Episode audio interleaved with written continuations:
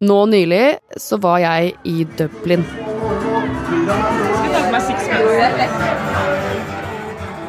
Og det var kjempegøy, men det var én ting som var sykt irriterende. Og det her kjenner du kanskje igjen selv. Jeg gikk til baren og så at en øl i Dublin koster 7,5 euro. Og jeg tenkte ah, deilig å være norsk i Irland. Men så sjekket jeg nettbanken og fant ut at en øl i Irland koster nesten det samme som en øl i Norge. Og det er fordi at den norske kronen er på sitt svakeste på lenge. Én euro koster nå nesten tolv kroner. Det her har Norges Bank visst lenge. Kan de egentlig gjøre noe med det? Og i så fall, hvorfor gjør de ikke noe? Du hører på Forklart fra Aftenposten, hvor vi tar for oss én nyhet i hver episode. I dag om hva vi kan gjøre for at kronen skal bli sterkere. Jeg heter Jenny Førland, og i dag er det tirsdag 28. november.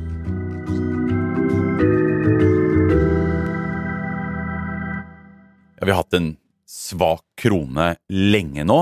Den styrket seg litt eh, i høst, men eh, kom nylig tilbake til helt elendige nivåer.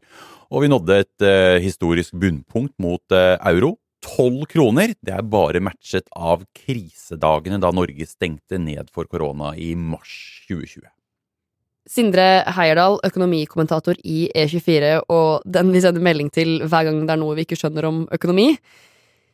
Nå er det kronekursen som alle snakker om. Hva er det som påvirker om en valuta går opp eller ned, egentlig?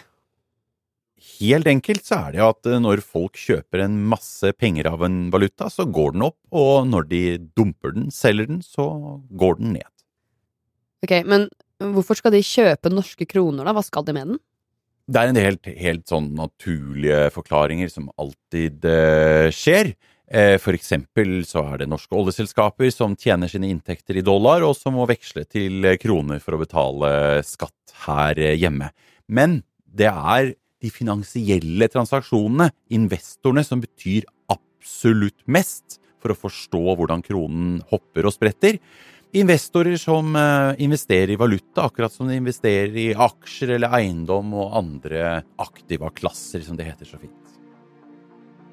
Så hva det er konkret som drar kronekursen opp og ned, det er ikke så komplisert. Investorer som kjøper og selger krona. Men hvorfor investorene ikke vil ha krona vår nå, det er litt verre. Vi kan altså ikke sette oss inn i hodet til hva alle investorene som handler krone, tenker, og hvorfor de synes den er såpass spedalsk som den er eh, nå. Det gjør det også umulig å si akkurat eh, hvordan kronen vil bevege seg framover, naturligvis. Da kunne vi egentlig like godt spurt en, en apekatt som en eh, valutamegler. Men det finnes jo noen teorier, og tre har vært med oss lenge.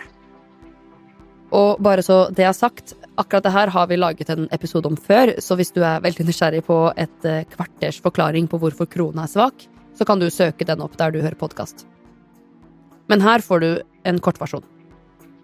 Krig og uro gjør små valutaer, som den norske krona, usikre. Oljeprisen har også hatt noe å si før, det kan den nå også. Og at renta er høy, kan også styrke krona. Og akkurat nå så har vi jo en ganske høy rente, men både amerikanerne og europeerne har også høy rente, så det hemmer altså kronen. Men når det er sånn at renta kan styre krona, så går det også andre veien. Krona kan nemlig styre renta.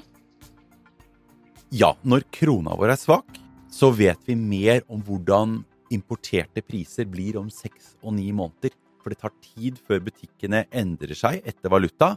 Men nå er det jo veldig mange av de som importerer ting inn til Norge, som får mye høyere kostnader. De får mindre igjen for hver krone.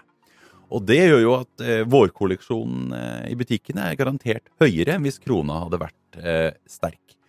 For Norges Bank betyr dette også at de vet at importert inflasjon vil være høy langt fremme i tid. Og dette er viktig, for Norge er jo et land som importerer fryktelig mye av det vi trenger, og eksporterer i stor grad råvarer ut igjen.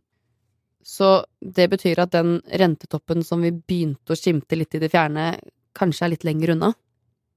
Ja, det betyr at Norges Bank stadig må bale med også kronen, som er en litt særnorsk utfordring, og som gjør at Norges Bank kan måtte stå med høyere rente lenger enn veldig mange av landene vi liker å sammenligne oss med.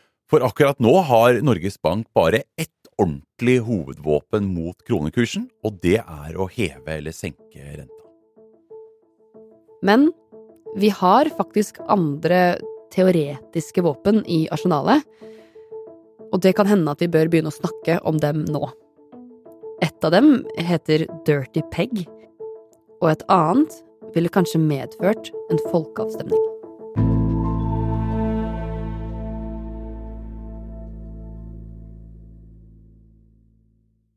Når man tenker over det, så er det egentlig litt surt at for at kronekursen skal være lav, så må utenlandske investorer kjøpe krona, og det vil de helst når renta er høy.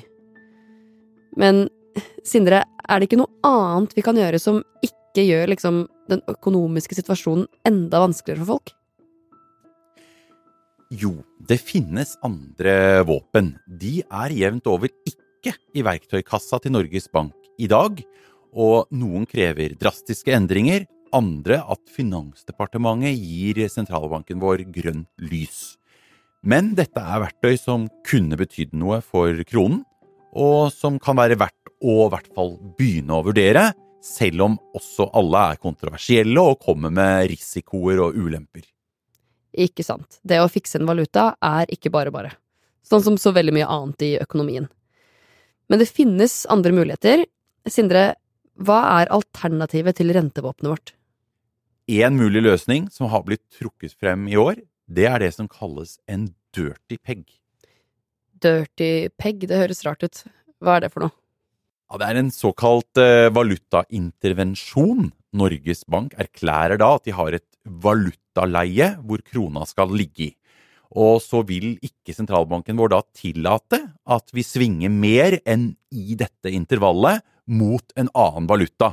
Og for Norges del ville jo det vært euro. Eurosonen er vår su suverent største handelspartner. Så da erklærer f.eks. Norges Bank at vi aldri vil tillate at kronen svinger mer mot euroen enn mellom 10,5 og 11 blank. Der skal kronen ligge mot euro.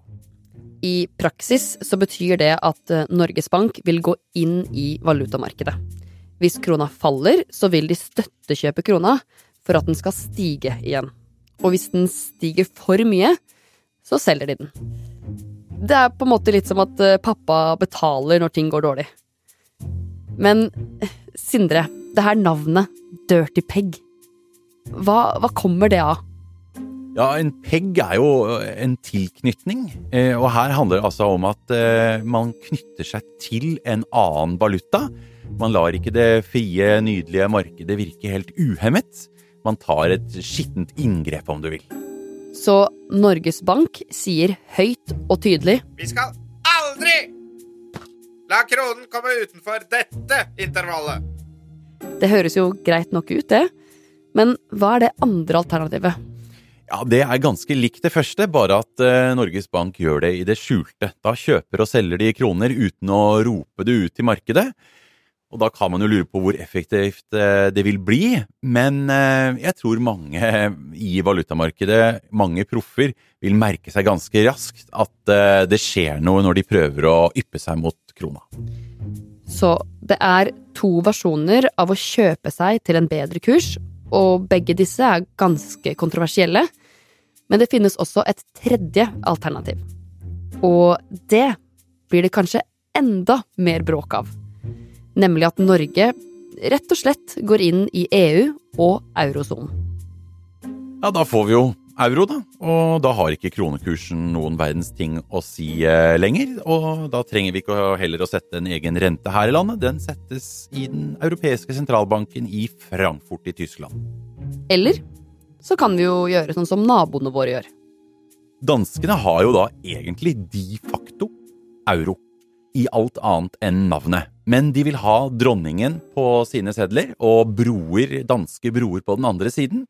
Og opplever da at de har sin egen valuta, selv om den egentlig er helt limt inn til eh, euroen. Både gjennom at danskene kjører samme rente som eh, eurosonen, og gjennom at den danske sentralbanken støttekjøper og selger danske kroner for å lime den mot euroen. Så fire alternativer. At Norges Bank helt åpent investerer i norsk valuta for å styre verdien. At banken gjør det samme, bare i skjul. At vi rett og slett får euro her i Norge.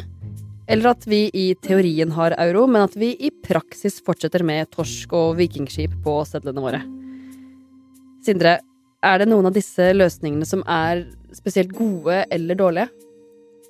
Alle disse forslagene er kontroversielle, og du vil finne mange økonomer som er mot alt sammen. Hvis vi tar denne såkalte dirty peggen eh, først, så er jo åpenbart fordelen hvis det lykkes, at vi da får styrket kronen vesentlig. At vi opplever oss eh, langt mindre fattige når vi er i utlandet. At eh, importert prisstigning går ned. At det blir mer stabilt for de fleste. Ulempen er at vi skal ikke ta for gitt at Norges Bank klarer denne jobben. Det er jo slik at hvis mange nok investorer ute bestemmer seg for å virkelig teste Norges Bank med enorme midler, så står banken i en storm. Og det har skjedd før at uh, slike valutaintervensjoner ikke lykkes fordi man får kapitalen mot seg. Og Det er også et argument sentralbanksjefen vår har brukt i en stortingshøring, at uh, man har blandede historiske erfaringer med sånne såkalte dirty pegger det argumentet høres jo ut som det kanskje gjelder for det andre alternativet også, hvor man bare gjør det samme uten å si noe? Absolutt. Eh, eneste med en uerklært eh, valutaintervensjon er jo da at prestisjetapet blir selvfølgelig mindre når man ikke har erklært og garantert at kronen skal ligge i et helt spesielt eh, leie. Og så var det jo om vi skulle få euro, da. Hva er fordelen og ulempen med det? Ja, da må vi jo kjøre en folkeavstemning og få et ja. Og det norske folk er ikke for EU eh, e slik det nå ser ut. Da pleier det også å være slik at også i Europa så er det enda færre som er for euro, så det skal vel godt gjøres rent praktisk å få oss inn i eurosonen. Eh, og så er det det med både eurosonen og eventuelt en dansk vri, hvor man de facto har euro, at eh, mange er imot det fordi Norges Bank da gir opp pengepolitikken, egentlig. Da har vi heller ikke rentevåpenet igjen. Og Norge er jo en spesiell økonomi, en sær økonomi med voldsom slagside mot uh, olje og gass og sjømat og noen få sektorer. Og mange vil mene at vi trenger en annen rente enn uh, et mye mer variert uh, Europa. Så for å styre kronekursen, så er det faktisk sånn at Norges Bank ikke kan hoppe inn i noen av disse forslagene akkurat nå. For de trenger mandater fra politikerne for å gjøre store endringer. Men eh, vi kan jo håpe at eh, bare diskusjonen om dette kommer litt i gang, for det skader ikke å ha tenkt gjennom mulighetene. Kanskje vi trenger noen utredninger også slik at eh, både politikere og embetsverk er litt mer forberedt om kronen f.eks. skulle falle 20% til. For er det noe vi vet, er det at det er fryktelig vanskelig å spå valuta fremover. Og for to, fem og ti år siden var det veldig få som trodde kronen skulle være så svak som den er nå. Da bør vi heller ikke utelukke at den faller enda mer fremover i tid. Og da spørs det jo hvordan vi reagerer hvis den er ned eh, enda mye mer. Så poenget er kanskje ikke å velge noen av de forslagene akkurat nå? Nei, det er ikke det at vi skal plukke et av disse våpnene og gå til kamp eh, for kronen, men det er lurt å begynne å diskutere det allerede. Nesten ingen hadde trodd for en to–tre år siden at krona skulle være så fryktelig svak som den faktisk er blitt. Og da kan heller ingen utelukke at den faller videre. Og hvis vi står der da om en stund med en enda mer svekket valuta, og med enda høyere boliglånsrenter, mye på grunn av krona, og enda høyere ledighet på grunn av krona, da tror jeg flere vil se at det er verdt å begynne å tenke gjennom, hvert fall, hvilke mulige våpen som kan ligge i kassa, og hvilke vi bør ha tenkt litt gjennom før det virkelig brenner.